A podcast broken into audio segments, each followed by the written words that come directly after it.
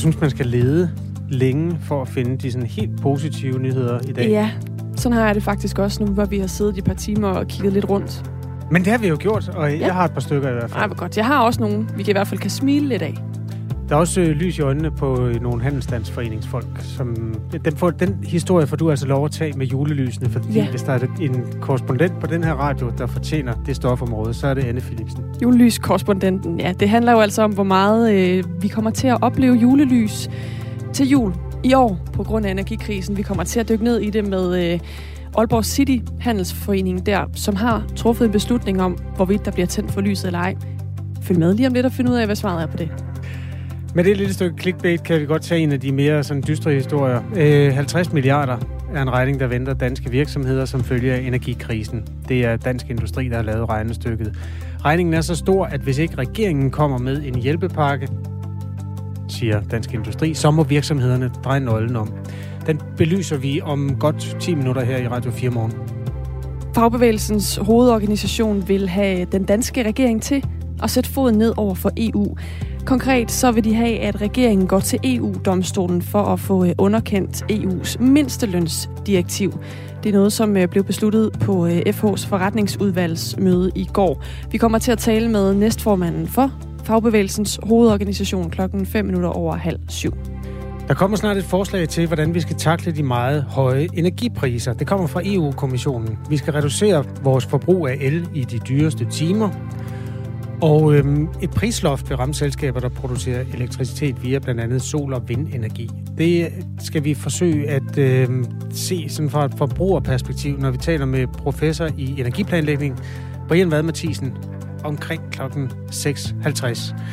Det er sådan de store linjer. En morgen, der står jo i energiens tegn. Det kan man flere, godt sige. På flere områder, ja. Velkommen til klokken 7 minutter over 6. Og rundt omkring i landets handelsforeninger, der er de lige nu i gang med at finde ud af, i hvilket omfang og overhovedet om man skal øh, lyse byerne op til jul. Der er nogle steder, hvor de har lagt en plan i lyset af de stigende øh, elpriser. Der er andre steder, hvor man stadigvæk er i gang med at beslutte, hvad kommer vi til at gøre, når vi nærmer os øh, de her kolde, mørke vintermåneder, hvor vi traditionelt er vant til at møde forskellige lysdekorationer, når vi bevæger os rundt i byerne. I Aalborg, der er det besluttet, og her der kan man stadig forvente, at julelysene kommer til at stråle, når vi kommer lidt nærmere julen. Godmorgen, Jes Asmussen. Godmorgen. City Manager i Aalborg City, som er handelsforeningen i, øh, i byen. Hvorfor er det vigtigt, at julelysene i Aalborg bliver tændt, når vi øh, nærmer os julen? Altså, julemåneden er jo en af vores allerstørste øh, handelsmåneder. Og hvis vi skal have en god shoppingoplevelse, og vores kunder skal have en god shoppingoplevelse, jamen så, så er julelys en vigtig del. Så derfor har vi besluttet, at vi hænger julelys op, akkurat som vi plejer. Kan man ikke sagtens have en god shoppingoplevelse, uden at der lige er lys? Altså, det er der jo heller ikke øh, de andre måneder på året. Nej, men, men december, er, december er noget helt specielt, og det er, en, som jeg siger, en vigtig handelsmåned for os. Ja, og vores kunder forbinder julen også med, med julelys, og, øh, julelys og julestemning, øh, og det kan vi bare ikke, øh, det, det kan vi ikke bare ignorere. Øh, så, så vi besluttede, at øh, efter nøje overvejelse, at vi selvfølgelig hænger julelys op. Øh, man kan sige, så længe der ikke er de steder restriktioner eller forbud mod det, jamen så, så gør vi det med god samvittighed. Mener du, eller tænker du, at hvis øh, I ikke har julelysene tændt, så vil I kunne mærke det altså også økonomisk i butikkerne, at der ikke er det her øh, trækplaster?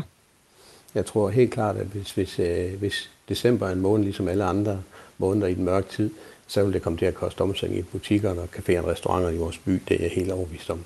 Men det er jo også en måned, hvor vi stadig skal købe julegaver, og derved jo også stadig bruger flere penge. Så hvordan kan du være sikker på, at det så vil kunne mærkes, at I øh, tænder eller slukker for lysene? Jamen, øh, det der med juleshopping, det, det er sådan noget helt unikt noget.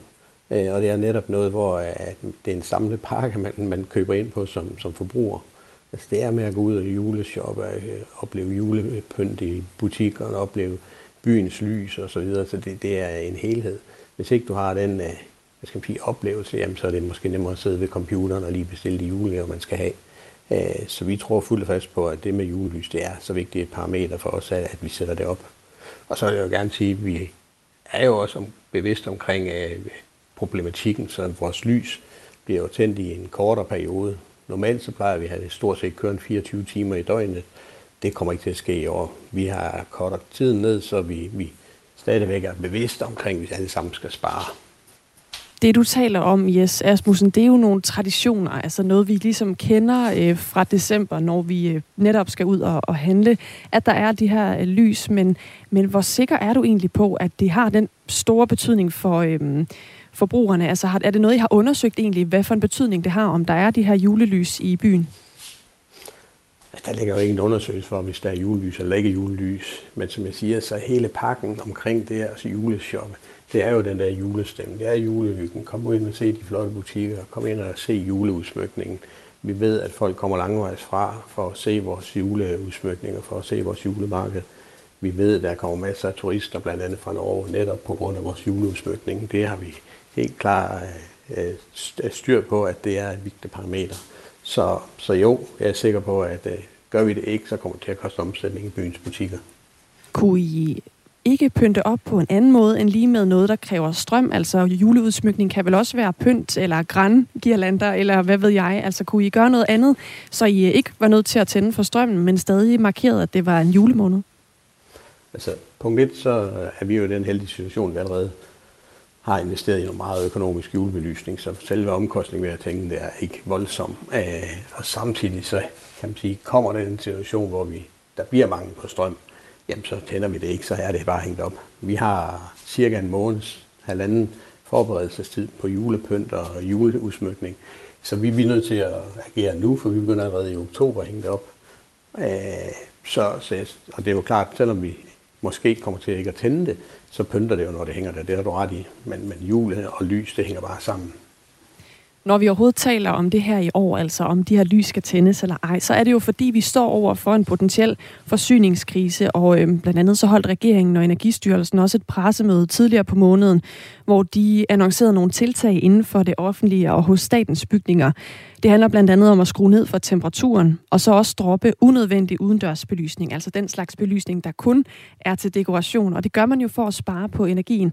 Når du for eksempel hører øh, regeringen præsentere sådan nogle tiltag, Energistyrelsen være inde over, hvorfor får det så ikke jer i øh, Aalborg City til at tænke, at øh, vi vil gå samme vej, vi vil, vi vil spare på strømmen og ja, få alle sammen strøm i år? Altså, jeg vil gerne understrege, at vi sparer netop på strømmen. Altså vi korter vores øh, lystændingstid ned med, med 80 procent nærmest, øh, netop med baggrund i, at vi alle sammen skal være meget opmærksomme omkring det. Ikke? Øh, men vi kommer ikke til at slukke lyset, medmindre der kommer en forsyningskrise, hvor der simpelthen ikke er strøm nok. For som jeg siger, konsekvenserne for vores medlemmer ved ikke at have julelys, øh, den er bare for stor økonomisk, og man må jo erkende, at detaljhandlen allerede i forvejen har været presset gennem flere år. Så vi vurderer, at det her det er så vigtigt for os, at, at vi kan godt tillade os en julelys op og være bevidste om, hvad vi gør, men, men at det er så vigtig en del netop for at sikre juleomsætningen. Her på Radio 4, der har vi ringet rundt til øh, handelsforeningerne i de 40 største byer i landet. Og af dem, der er vendt tilbage til os, der vil øh, 15 af byerne have julebelysning i et eller andet omfang. Men der er også byer, der blandt andet skærer ned på antallet af timer med lys, ligesom I også kommer til at gøre i øh, Aalborg, Jes Asmussen, som du også fortæller. Men der er jo også steder, der har valgt helt at droppe julelys. Salling, Stormagasinet, har meldt ud, at deres butikker eller stormagasiner i Aarhus og Aalborg kommer til at være uden øh, julelys. Hotel D'Angleterre på Kongens Nytorv i København har også ud, aflyst deres udsmykning på facaden til jul. Når du hører, øh, ja, det er jo i en eller anden omfang noget af det i hvert fald kolleger, der gør det her. Hvad for et indtryk gør det så på dig? Jeg vil gerne lige allerførst rette en lille misforståelse omkring Salling. Øh, jeg har talt med Salling, og det de ikke gør, det er, at de tænder ikke den store, flotte røde sløjfe, de har på deres facade. Men de kommer også til at have julelys, blandt andet også på deres rooftop. Så, så det er ikke sådan, at Salling er mørklagt for julelys. Okay. Det er en ting, men den anden er, som jeg siger, vi forbinder julen med julelys og hygge, julestemning, og vi har vurderet med det lysanlæg, vi har, som, når det strømforbrug det giver, så har vi god samvittighed, når vi tænder julelys, og at vi så samtidig reducerer øh, lystændingstiden. Så, så det, det er ikke en overvejelse, vi er i, at vi ikke skal tænde lyset. Men mindre der kommer restriktioner, eller der kommer decideret mangel på el. Så lød det altså fra Jes Asmussen, City Manager i Aalborg City, som er dækker over Handelsforeningen i byen.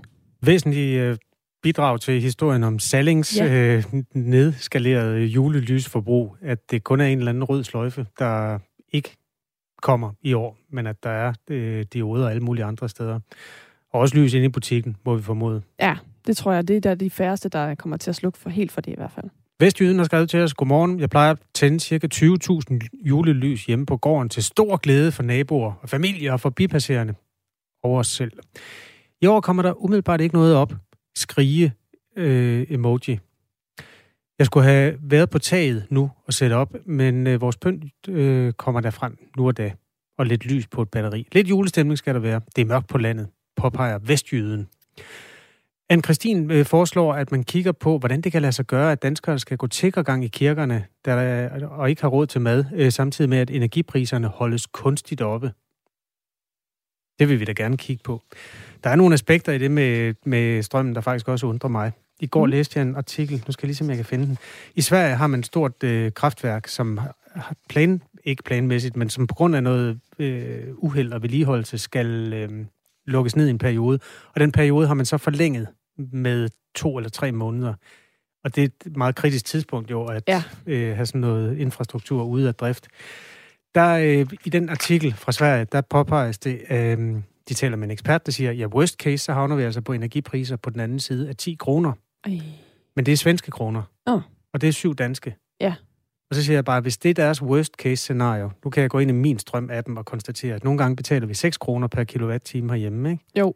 Så det, det der, der er deres værste mareridt, det, det er vi en centimeter fra at være ja, i allerede nu. har vi ikke også været over det? Jo. Har vi ikke været op på de 8 og 9 i i de forgangne uger, er jeg ret sikker på faktisk. Det kan sagtens passe. Ja. Det svinger jo henover. Hvis man har variable strømpriser, så, var, mm. så svinger det jo meget i døgnets løb. Den app, der hedder Min Strøm, der kan man følge det øhm, lokalt. Jeg kan se, at i går var der en makspris i det område, hvor jeg bor. Det er sådan en gennemsnitspris for Vestdanmark på 6 kroner og nogle 60 øre, ikke? Ja, det er tæt på de svenske det er nok, Ja, nej, fordi de svenske betaler slet ikke så meget lige nu. Det er i den, hvis de kommer i helvede, kommer de til at betale 7 kroner. altså det, det, det, man kan godt undre sig over, at der er så stor forskel.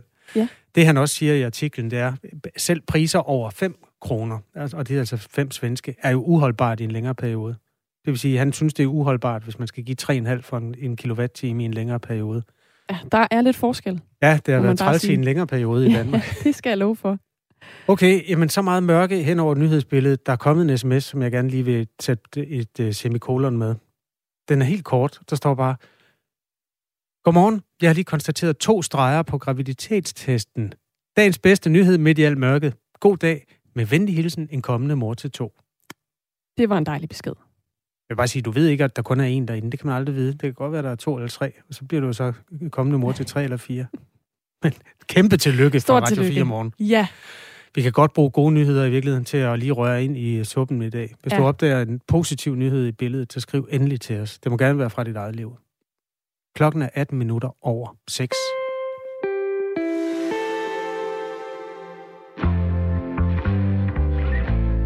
Der er historisk mange borgerlige partier i Danmark, og spændingerne stiger. Dansk Folkeparti er jo det mest kopierede parti i Danmarks historie, vil jeg sige, så hvorfor skulle Ingrid ikke have det samme privilegium som Mette Frederiksen? I det blå hjørne på Radio 4 sætter vi de røde uden for døren og tager diskussionen mellem de blå. Så jeg havde det sådan en fornemmelse af, at jeg så et afsnit Borg, hvor der kom en kopi af Dansk Folkeparti. Det er bare ikke så simpelt endda.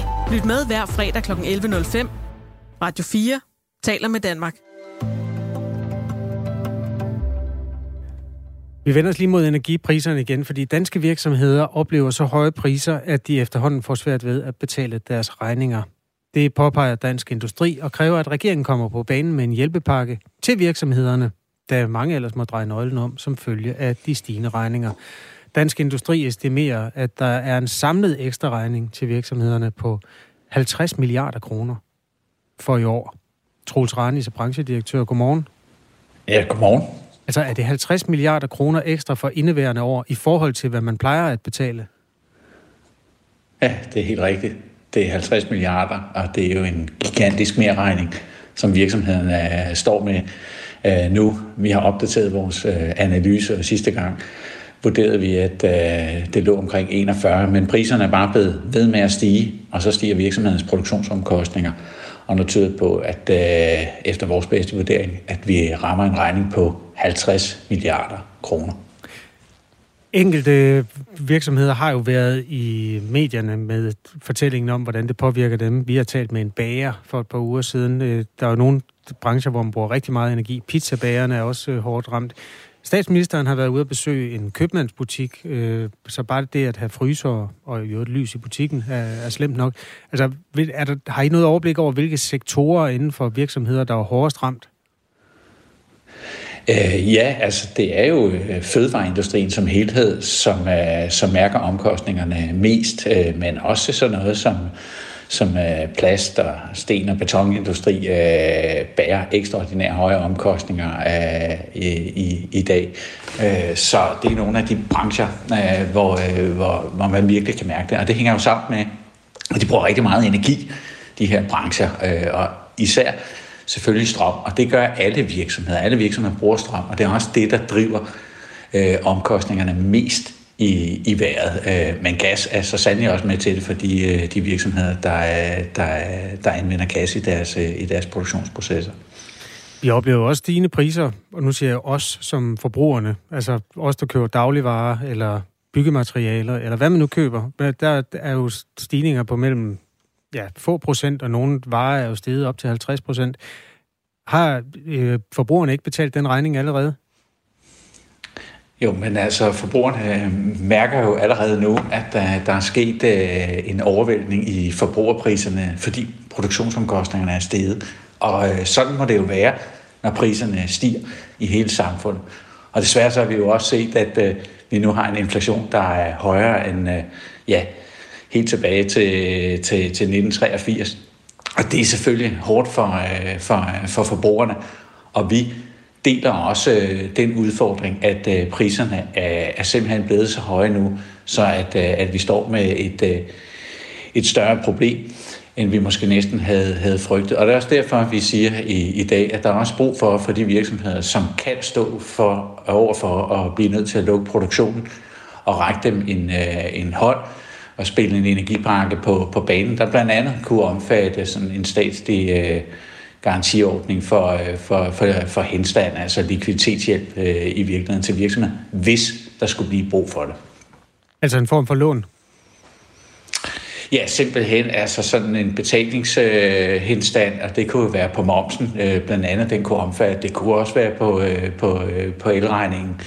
Øh, og måske også på, øh, på øvrige skatter og afgifter. Altså virksomhederne skal jo have penge til at kunne betale regningerne. Og hvis der er virksomheder, som simpelthen ikke længere på grund af de stigende energipriser ikke kan betale regningerne og står over for at blive nødt til at stoppe produktionen, simpelthen lukke ned, jamen så er der jo brug for at have en likviditetsordning. Og det er blandt andet noget af det, vi opfordrer regeringen til at komme øh, på banen med. Der er også mange små og mellemstore virksomheder i, øh, i Danmark, og det kan være rigtig hårdt at stå nu med udsigten til at, øh, at have så historisk høje øh, energiomkostninger, at det simpelthen ikke er muligt at, øh, at, betale, øh, at betale regningerne længere. Der er jo også nogle dilemmaer i det, hvis man... Øh, altså for eksempel vores lytter Alexander, han er fra Silkeborg, han øh, skriver Troels Ranis, nu skal du høre, der skal ikke komme hjælpepakker, fordi virksomhederne skal ikke være i lommen på staten. Der var heller ikke hjælpepakker i 70'erne. Den eneste hjælpepakke, der kan give mening, er, at staten fjerner afgifter og skatter på el og energi. Det er et lille indspark til den debat. Hvad siger du til det, Troels Reinis? Ja, øh, og tak for indsparket, vil jeg sige til, til lytter. Men øh, det, der også er sagen, det er, at, øh, at virksomheden betaler ikke så høje afgifter på, øh, på strøm i, i dag. Der er en øh, procesenergiafgift, som man kunne se på, hvis det endelig, endelig var. Men altså det, vi taler om her, det er jo at få øh, henstand altså i forhold til nogle betalinger, der skal falde nu og her, mens at regningerne simpelthen banker gennem, øh, gennem loftet på grund af stigende øh, energipriser. Du pegede selv på det øh, lige i oplægget til, til interviewet her, at når man kigger på, på, på min, min strøm-appen, så kan man jo se, at elprisen er steget mange, mange, mange, mange kroner. Og det gælder altså også for, for virksomheden her. Det er blevet vanvittigt dyrt, og der er også brug for at sikre også, at, at virksomhederne rent faktisk kan holde hjulene i gang og fortsætte, fortsætte deres, deres produktion. Derfor vi peger på en statslig likviditetsordning som en mulighed i den her helt akutte og ekstraordinære situation. Hvordan skal den fungere i praksis? Altså, hvis vi nu tager en øh, produktionsvirksomhed med 100 ansatte et eller andet sted i Danmark, som har, har oplevet nu en, altså taget til en del af de der den stigning på 50 milliarder. Øh, Troels Ranis øh, er branchedirektør i Dansk Industri, Energi, skal jeg lige sige til nytilkommende lyttere, og rækker altså øh, hånden, eller hatten er det jo nærmest, øh, ud mod regeringen og siger, øh, hjælp os. Hvordan skal den virksomhed helt praktisk øh, hjælpes af regeringen? Ja, men nu har vi gjort os nogle erfaringer under øh, corona øh, i forhold til øh, at, at sætte nogle rammer op for, for virksomhederne, så at, øh, så at de, ikke, øh, de ikke øh, knækker sammen. Og det kan man jo læne sig op øh, af det system, uden at der i øvrigt er sammenhæng imellem øh, de år, hvor vi har været igennem øh, pandemien øh, og coronasituationen og de hjælpepakke. Det er en energipakke, det her. Det er en foranstaltning, så vi øh, kan garantere, at virksomhederne stadigvæk kan, kan, kan producere. Hvor mange der, øh, der kunne komme i spil til, til sådan en, en ordning her, det må bero på en, øh, på en vurdering. Men praktisk, Troels Ranis, altså, hvordan skal det helt praktisk foregå, at den her virksomhed står med, lad os sige, en ekstra regning på 10 millioner kroner, som den har svært ved at betale? Hvor skal de 10 millioner komme fra, og hvornår skal de betales tilbage?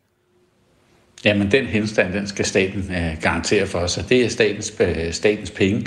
Øh, og det kan være, at, øh, det, at man forsinker opkrævningen af, af moms øh, eksempelvis, øh, så de ikke skal betale de penge lige nu og her. De falder altså først, øh, først senere, og så dækker staten øh, i øh, i regningen. Okay. Øh, hvor lang tid skal øh, den henstand øh, sådan være, tænker du? Det, det er jo en statskasse, der, selvom den er okay i forhold til mange sydeuropæiske lande, så er den jo ikke ubegrænset. Hvor lang tid til henstand forestiller I jer? Jamen, det kan være midlertidig karakter. Nu må man jo øh, kigge på, hvordan man kan designe ordningen, men den skal have en midlertidig karakter. Øh, og øh, vi har ikke peget på præcis hvor mange, mange måneder, men øh, det kunne jo være øh, op mod et, øh, et halvt år eller et års øh, øh, henstandsperiode her. Det må man se, øh, se nærmere på. Vi peger bare på, at der kan være, problem, at der kan være et behov for at komme med, med en hjælp til en, en foranstaltning, kunne du kalde det, til, til den her likviditetsudfordring, som, som virksomhederne øh, møder øh, på grund af de fuldstændig vanvittige høje øh, energiregninger. Og der skal de selvfølgelig have en mulighed for øh, at, øh, at overleve og komme igennem, øh, og komme igennem øh, den her helt, øh, helt svære tid, som, øh, som vi står i. Vi håber på, at der også kommer en bredere europæisk løsning, som kan få energipriserne til at falde. Øh, det er jo helt ekstraordinært. Altså, diagnosen gælder jo ikke kun i Danmark, at vi har det her problem. Den gælder også på tværs af hele Europa. Regningerne er over overalt. Og derfor så er der brug for at se, hvad kan vi gøre, så at vi ikke får de her skyhøje øh, energiregninger i tiden, der, i tiden, der kommer. Altså, tingene skal jo være til at betale for os mm. alle. Afslutningsvis, Troels Ranis, et spørgsmål, som flere sidder med. Altså, du, du siger, det er væsentligt forskelligt fra corona-hjælpepakkerne dengang, men der er jo også det fælles træk, at man beder om henstand med momsen. Øh, en sammenfatter det i den her sms, og der er kun lige et minut at svare øh, i bagefter, men nu får du først sms'en. Det er vanvittigt det her. Hvordan gik det med moms henstand under coronaen? Det er blevet en norm, at virksomheder, der drives dårligt, skal reddes. Lærte vi intet af finanskrisen i 2008? Spørg lytteren dig, øh, Troels Ranis. Ja, men det er jo et stort spørgsmål, og til et, et helt kort svar, så må vi jo sige, at uh, det har været vigtigt uh, under corona at bringe virksomheden sikkert igennem, uh, og, det er de, uh, og det er de kommet uh, nogenlunde. Nu står vi i en helt ny og helt anden situation, og der er også brug for at, at, at skabe stabile og trygge rammer for, for danske virksomheder. Det er derfor, vi peger på, uh, på den her statslige likviditetsordning. Men er det ikke det samme som coronaen? En corona og energikrise er to forskellige ting, og det her det er en energipakke, det er ikke en egentlig hjælpepakke, vi taler om, fordi vi taler om i et relativt kort vindue. Det håber vi på øh, at, øh, at kunne få noget henstand på, øh, på nogle af de betalinger, der falder for eksempel på moms eller en elregning osv. Tak fordi du var med her i Radio 4 morgen. Troels Arnis. Velbekomme. Branchedirektør i Dansk Industri Energi, og tak min sanden også til de mennesker, der kender nummeret herind. Man har skrevet på nummeret 1424. Øh, Ja, og gør endelig det. Både input til interviews, eller hvis du ser et eller andet sted i nyhedsbilledet, som lyser en lille smule op på en øh, halvgrå onsdag, så skriver du bare til os. Nu skal vi have en øh, omgang nyheder med Thomas Sand klokken er halv syv.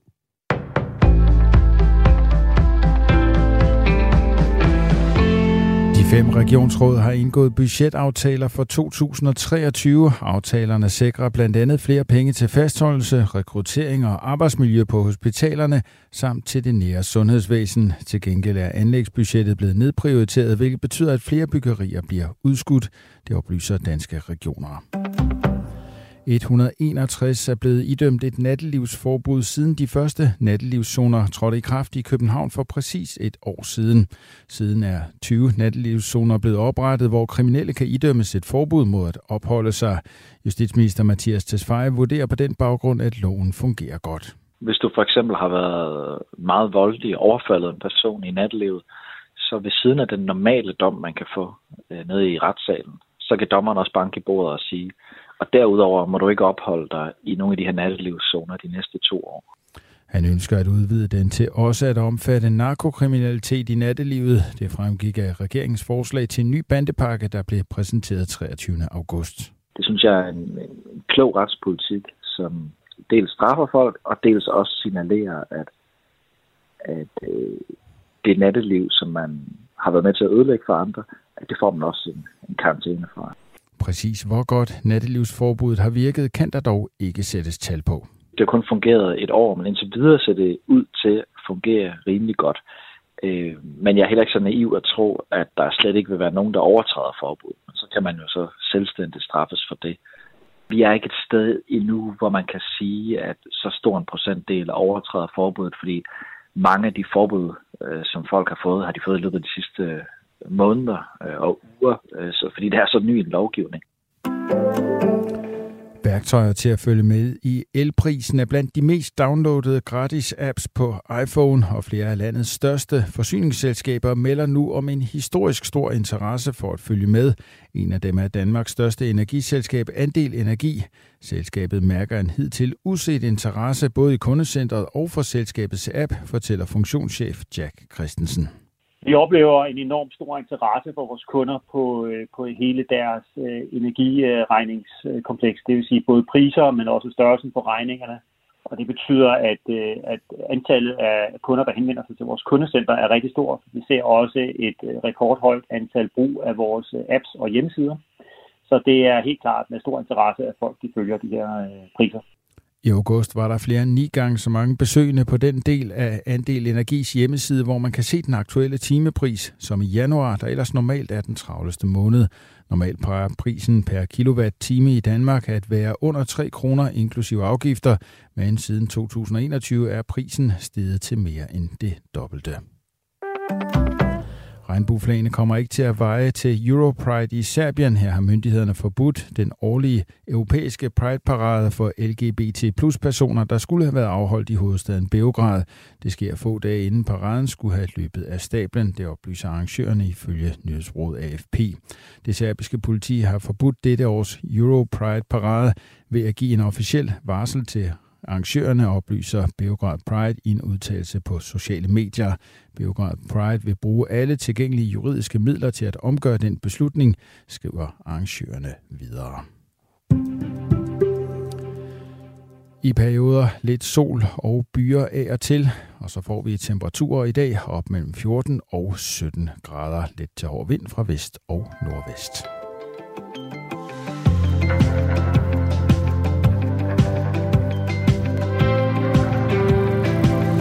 Godmorgen og velkommen til Radio 4. Vi har et dogme i dag, der skal ligge øh, gode nyheder og sådan røre det sådan lidt dystre billede op. Der er mange historier om høje energipriser, og inflation, aktiemarkedet, der buller der nedad, og så videre, så videre.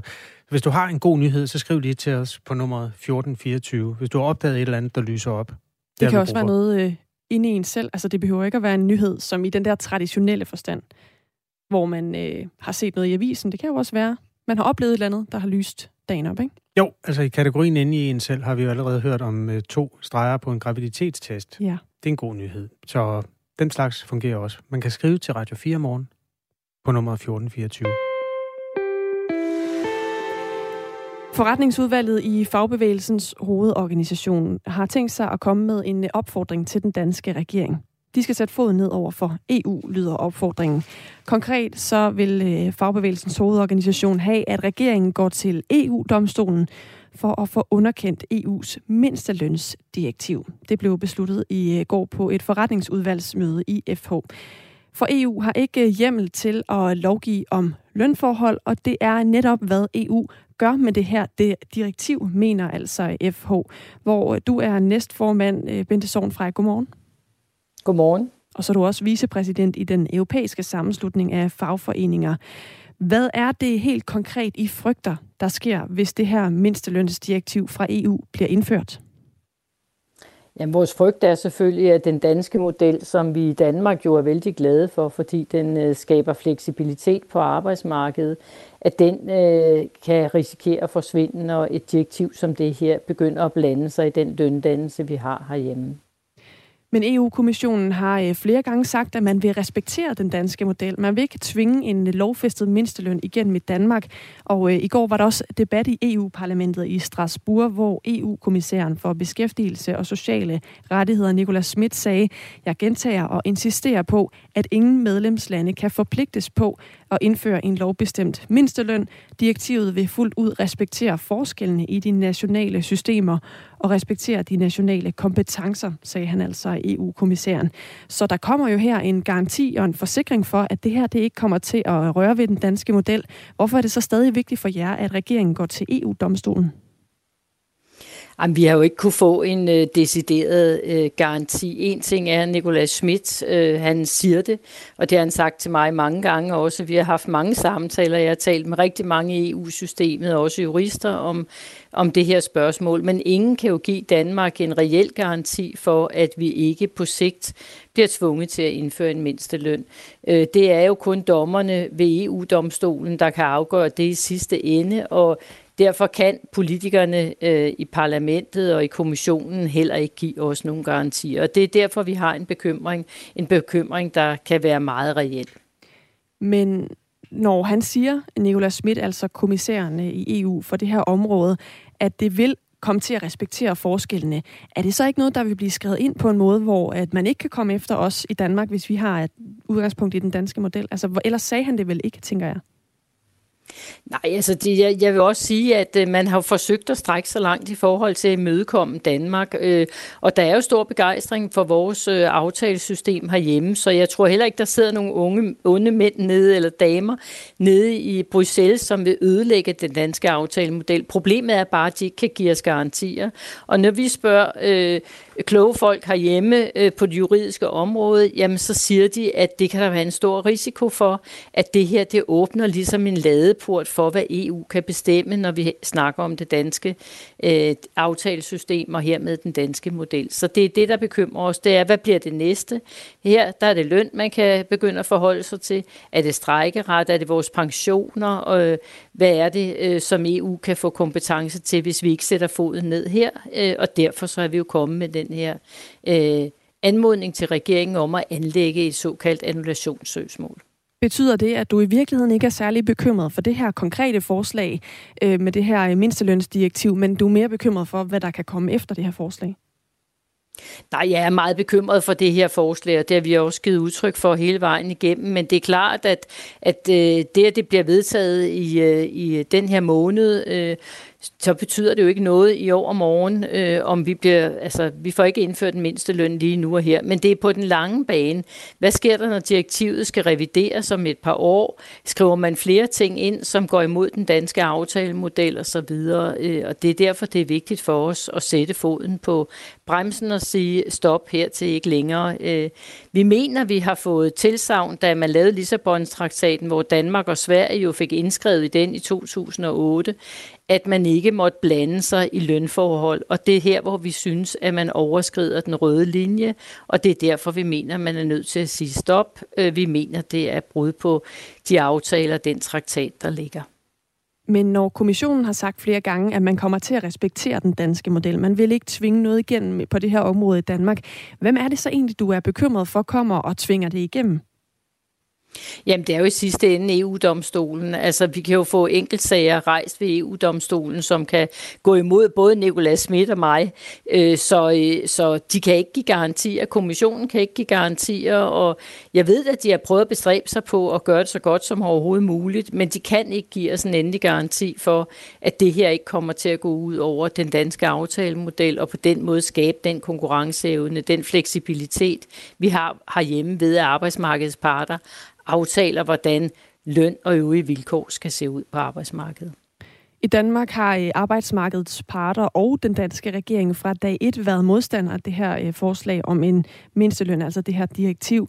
Og øh, Danmark har også stemt nej i EU's ministerråd, når man har haft det her direktiv til behandling.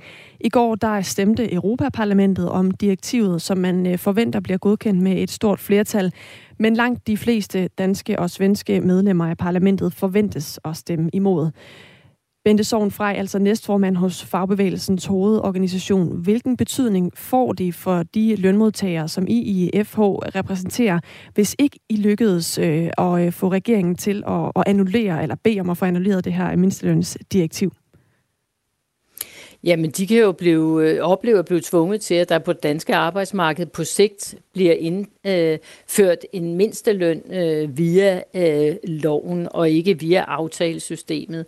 Og det er jo det, der øh, bekymrer os, øh, fordi at øh, vi har set rundt omkring i Europa, de fleste lande i Europa har jo allerede i dag en mindsteløn, så vi forstår slet ikke, hvorfor der skal et direktiv til. Man kan jo bare hæve mindstelønningerne i de lande, hvor de i høj grad jo trænger til at blive hævet.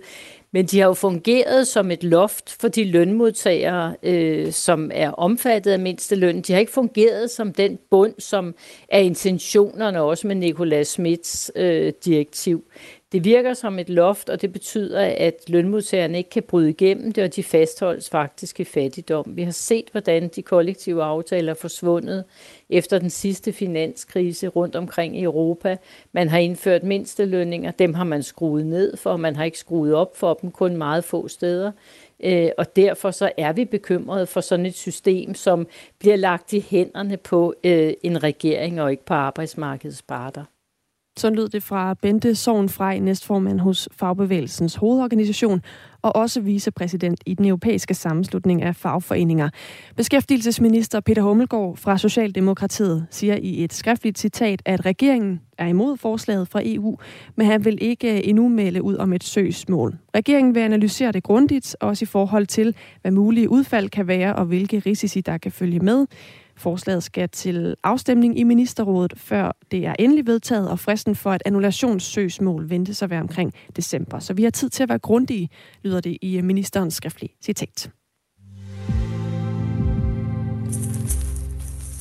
Før vi går videre med øhm, energipriserne og det er sådan de kedelige udviklinger der, så skal vi øh, lige slå ned på et andet sted i nyhedsbilledet. Det drejer sig om Moik og Sandy, som skal bo et nyt sted. Det er nogle heste. Hunde. Hunde. Du er meget tæt på. Ja. Øhm, meget små hunde dog. Det er simpelthen øh, to korgier. Uh, er det dronningens? Ja, det er dronning Elisabeths, eller var. Ja. Øhm, æret være hendes minde. Dronning Elisabeth den anden er jo ikke længere, og det betyder, at hendes hunde skal bo et nyt sted. Og hvor er det værste sted, du kunne forestille dig i den engelske familie, at øh, sådan nogle små uskyldige hunde kunne komme hen? Prins Andrew. Det har du ret i. Prins Andrew øh, skal simpelthen overtage de her to. Øh, de er flyttet ind hos ham. Altså den mest Nå. skandaløse prins, de har haft ja, i mange det. år. Han blev i januar frataget alle sine ærestitler og kongelige pligter øh, på grund af efterdønningerne af både øh, skandaløs adfærd og et skandaløst interview, hvor han blandt andet fortalte, at han ikke kunne svede, og derfor kunne det ikke være ham, der havde misbrugt nogle yngre mennesker på et tidspunkt. Ja, det var ikke så kønt. Forhistorie, nej, ved du, hvad, hvad, hvad er din øh, rygmavsreaktion på historien om, at de skal flytte ind hos ham? Det synes jeg lyder... Jeg tænker, der var mange andre, man kunne tage. Ja. Ikke? Der er heldigvis en god forklaring. Nå. Det var ham, der gav de to hunde til dronningen. Nå. Til sin mor, da prins Philip døde sidste forår. Så tænkte hun... Nå, altså, så købte rigtig... han nogle hunde til hende? Ja. Nå. Hun havde selvfølgelig nogen i forvejen, og det er måske en af grundene til, at de ligesom er lidt uanbringelige nu. Øh, dronningen havde fire hunde, da hun døde. Okay, og Herunder de, de, de to. to, som han så har givet gave. Ja, Nå. og de er så flyttet tilbage igen, så nu har han også noget at give sig til, efter at alle hans æreserhverv er taget ud af kalenderen. Det er jo måske meget godt for ham. Det er karma på den lille bitte hundemåde. Ja. Klokken er 6.45. Det her er Radio 4 morgen. Inden vi vender os øh, mod den næste historie, så vil jeg lige rydde lidt op i sms'en. Der, ja, lad os gøre det. Fordi øh, der, der er flere, der er meget interesseret i, i øh, energipriserne og de forskellige foranstaltninger, som man kan gøre, hvis man fra statens side vil holde hånden under enten privatpersoner eller virksomheder. Først og fremmest øh, skriver vores lytter Steve, at øh, den her mørke vinter, vi går i møde, der er han meget i tvivl om, det egentlig er umagen værd, når det handler om Ukraine, som er et land, der i hans optik ikke sådan er så vigtigt, at man skal gå øh, en vinter med inflation og øh, lukkede virksomheder, og i den sidste ende menneskeliv, der går tabt. Øh, ja, så det er en vurdering fra hans side. Altså, det skulle man ikke have gjort. Om det er vigtigt nok, altså så vigtigt at lukke for gasimporten, ikke? Er det, han mener? Ja, altså... Fra Rusland. Ja, eller måske øh, støtte Ukraine, og dermed, det er jo russerne, der har lukket gassen, skal vi vel Ja, er den vej. Nå, jamen det var bare lige en vurdering fra Steve, som har skrevet på 1424.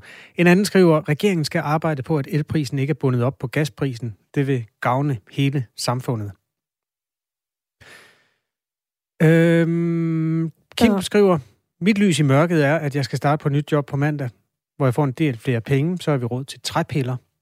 Skriver Kim, som altså også har sin egen lille personlige energiprise, øh, energikrise at slås med. Og endelig er der... Øhm, nu skal jeg lige se den her. Jakob, han skriver, at staten tjener fedt på stigende energipriser på en tilsvarende stigende momsindtægt. Så det der med at give henstand til virksomheder, er, det vil være meget nemmere bare at sænke momsen til for eksempel 15 procent på energi, nu og i fremtiden, lyder et input fra Jakob. Tænketanken er altså åben, hvis du vil øh, løse energikrisen. Du kan skrive til 1424 som de her gode mennesker. Vi skal reducere forbruget af el i de dyreste timer, og så skal der laves et prisloft, som kan ramme selskaber, der producerer elektricitet via blandt andet sol- og vindenergi. Det her det er nogle af de forslag, som EU-kommissionen formentlig bringer på banen for at takle de meget høje energipriser, som både borgere og virksomheder kæmper med. Det er øh, kommet frem ved hjælp af et lækket dokument, og dermed offentliggjort via nyhedsbyrået Ritzau. De her forslag de ventes at blive præsenteret i dag. I sidste uge fremlagde EU-kommissionens formand Ursula von der Leyen fem forslag, som skal sikre forbrugerne og udsatte virksomheder billigere energi. Men øhm, efter en uges forhandlinger er man altså gået videre med nogle af dem. Godmorgen, Brian Vad Mathisen. Godmorgen. Professor i energiplanlægning ved Aalborg Universitet. Sådan et forslag som at reducere brugen af el i de dyreste timer. Hvad synes du om det? Mm.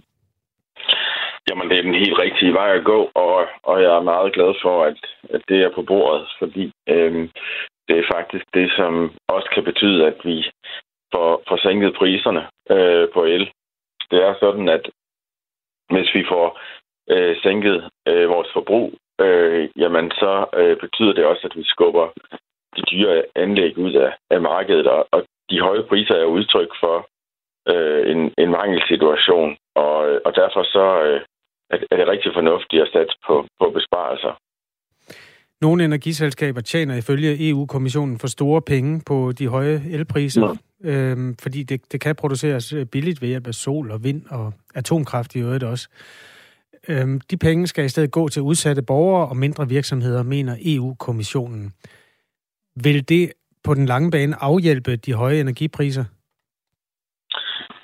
Øh, det kommer lidt an på, hvordan man gør det, vil jeg sige. Altså, det er jo helt politisk legitimt, at man har brug for at hjælpe øh, både små virksomheder og større virksomheder og, og borgere, der bruger øh, øh, energi og som er i klemme økonomisk.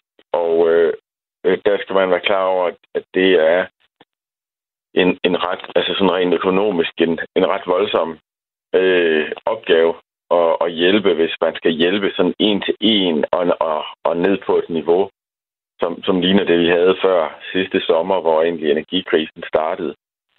Og, øh, men, men det, som man taler om, det er jo at beskatte så øh, dem, der, der tjener penge. Og det er jo faktuelt rigtigt, at, at, at, at vedvarende energi øh, tjener øh, ret mange penge, men det er jo så også en barok situation, at vi øh, jo egentlig beskatter det, vi gerne vil have. Og, og, øh, og, og så øh, lader vi det, som vi ikke, helst ikke vil have, altså det fossile være, men, men, men, øh, men, men det kan lade sig gøre at, at beskatte de virksomheder, som, som tjener de her penge. Det, det, man skal være klar over, det er, at det ikke er en, en enkelt opgave, øh, fordi øh, øh, det kan faktisk være svært at, at, at præcis fastsætte, hvilke virksomheder det er, der egentlig tjener øh, de her penge, fordi øh, nogle af, af, af, af dem, der producerer øh, strøm, hvad det på vedvarende energi eller andre øh, kilder, jamen, de har, har egentlig solgt øh, øh, hvad hedder det, deres strøm på langsigtede kontrakter til en, en væsentlig lavere pris, end, øh, end det, den er nu. Og, og det er sådan set meget fornuftigt, fordi øh, det er noget af det, der betyder, at vi er i stand til at, at finansiere nye øh, VE-anlæg, at der er den, den slags langsigtede kontrakter. Men det er bare for at, at, at sige, at øh, at sætte sådan et skattesystem sammen, det er ikke sådan helt enkelt at, at gøre. Og så, så skal man jo så selvfølgelig også vurdere, hvad skal vi så bruge pengene til? Vi har Brian Vad Mathisen med, professor i energiplanlægning ved Aalborg Universitet, øh, til at kommentere aktuelt, at der nu øh, er kommet lidt ud fra maskinrummet i EU-kommissionen, hvor man øh, arbejder videre med tre øh, forslag. Et af dem er altså det her med at øh, reducere brug af el i de dyreste timer, og så lægge et loft på priserne fra, undskyld, fra de selskaber, der producerer elektricitet øh, via blandt andet sol og Ja, ja det, det, det er ikke helt rigtigt, det du siger der, fordi altså, det er jo egentlig ikke et loft over priserne. Det er et loft over den profit, man, man tjener. Ja, okay. På det. Og, det, og det er ret vigtigt, den forskel, fordi øh, det, som, som glæder mig meget, det, det er jo, at man har, har er kommet fra det at pille ved markedet på den måde her. Altså, det, det, det er nemlig sådan, at, at, at de priser, vi har, det er sådan set udtryk for en mangelsituation, og vi, vi kommer jo ikke til at mangle energi mindre ved at og, øh, øh, hvad skal man sige, reducere prisen. Men øh, det, jeg sagde før, det er, at man, man skal så vurdere, hvad man skal bruge de her penge til, hvis, hvis det lykkes at lave et skattesystem, som, som tager noget af profitten. Og, og det, jeg helt klart vil anbefale, det er, at man, øh, at man øh, altså deler, deler de her penge ud på en måde, sådan at det er uafhængigt af, hvor meget el du bruger. Og det vil sige, at man kunne forestille sig, at man lavede en eller anden form for, øh, hvad skal man sige, tilskud øh, fra bunden af, så at sige, altså at du, man, man vurderer, jamen lad os sige, man bruger 3 eller 4.000 kWh som, til, til sådan en basisforbrug, mm. jamen så kan man få kompenseret en del af den ekstra pris, de, det her det koster nu, men det, der så er ud over det, det skal man stadig selv betale. Og, og det, det, der er en vigtig mekanisme, det er, at man stadig øh, oplever de høje priser, men får hjælp til at betale noget af regningen. Okay, godt, du lige fik øh, præciseret det. Brian Vad Mathisen, inden vi øh, går ned af endnu en sti, der er i de her øh, papirer mm. fra EU, så bare lige et kort spørgsmål, som også øh, flere af vores lyttere mm. rejser. Hvordan kan det være, der er sådan, at så meget forskel på, hvad de betaler for deres strøm i Sverige, og hvad vi betaler her? Jeg læste en artikel i går, hvor svenskerne siger, det er fuldstændig uholdbart, hvis man skal give over 5 svenske kroner i en, i en længere periode. Altså 3,5 kroner per kilowatt-time. Det har vi for længst vendet os til i Danmark, og i øvrigt øh, er vi oppe og betale i nærheden af det dobbelte. Hvordan kan det være, at der sådan internt i, i EU er, for, er så stor forskel på, hvad man giver? Ja, men det er jo sådan, det har der sådan set altid været nu. Man bare ikke rigtig lagt mærke til det på den samme måde, fordi forskellen har været væsentligt mindre øh, over årene. Og, og det er sådan set rigtig fornuftigt, at der er forskel øh, på, på priserne. I virkeligheden, så skulle man dele markederne yderligere op i Europa. Altså for eksempel det tyske elmarked, der, der bør, man, bør man dele det op i, i Nordtyskland og Sydtyskland. Men der udjævner man altså priserne, og det er sådan en... Hvorfor burde man det? En, ja, det gør man, fordi at der jo egentlig er øh, øh, altså billig el nordpå i form af meget vedvarende energi, og, og langt dyrere el sydpå, hvor man ikke har været villig til at bygge så meget vedvarende energi. Hmm. Og, og det, man egentlig gør ved at udligne priserne, det er sådan set, at man man har en erhvervsstøtteordning i Tyskland, hvor at man, man jo egentlig i Sydtyskland betaler øh, relativt for lidt i forhold til den øh, el, der bliver produceret, øh, og at man relativt i nord betaler for meget øh, for den el, der bliver produceret. Men lige tilbage til dit spørgsmål. Øh, hvad er det så, der er forskel på priserne? Men det afhænger af, hvilket energimix du har i de forskellige områder. Og, og, øh, og det vil være sådan, at der i nogle områder øh, er sådan, at man er meget afhængig af gas, og det er meget det, der definerer prisen. Og nogle områder har man måske for lidt kapacitet øh, i forhold til, hvad man, øh, hvad man burde have, eller man har nogle, altså i, i Frankrig i øjeblikket for eksempel, der har man jo øh, over halvdelen af, af A-kraftværkerne, der ikke kører, øh, fordi at man øh, øh, har, en, har dem ude til vedligehold, eller, øh, øh, eller at de er, øh, og at den vedligehold tager længere tid, fordi de er øh, ret gamle, mange af de her øh, A-kraftanlæg, eller man har, har været udsat for de her øh, naturkatastrofer, øh, kan man sige, hvor man ikke har været i stand til at køle anlæggene.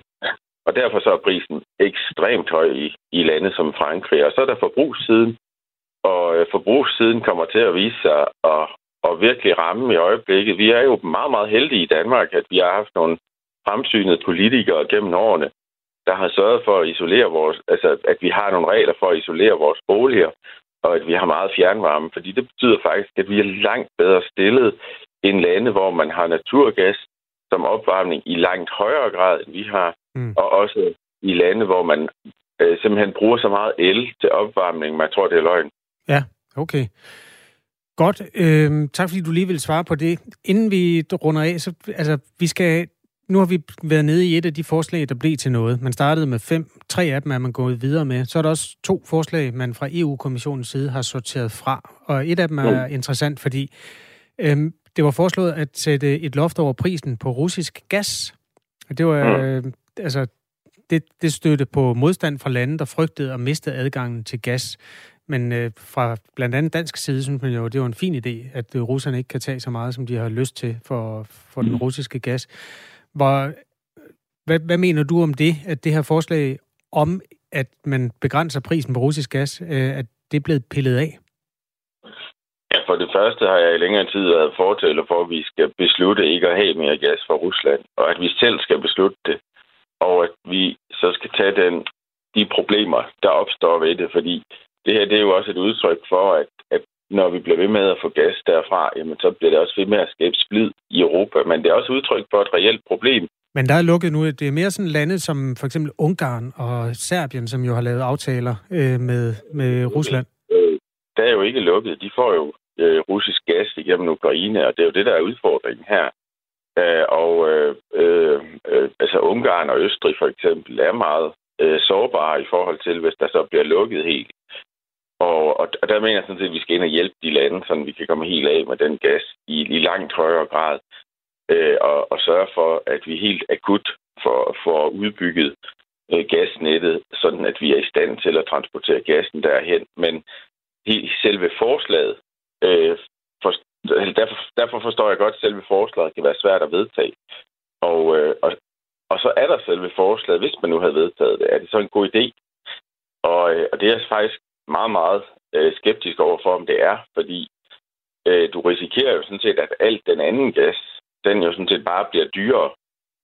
Øh, fordi det er jo ikke et, et udtryk for, at du så har uendelige mængder af gas, øh, hvis du sænker øh, prisen på den russiske gas. Og det er slet ikke sikkert, at den reduktion i priset vil ramme forbrugerne, fordi at du jo tilsvarende kunne komme i en situation, hvor at der så på det, der hedder markedet for flydende gas vil opleve prisstigninger, fordi at man, man så vil, øh, hvad skal man sige, få, få, få pres på det globale marked for, for, for flydende gas, og at, at vi så vil definere en, en højere pris i Europa, øh, fordi at, at det ikke er, er den russiske gas, der i samme omfang definerer prisen. Og, og okay.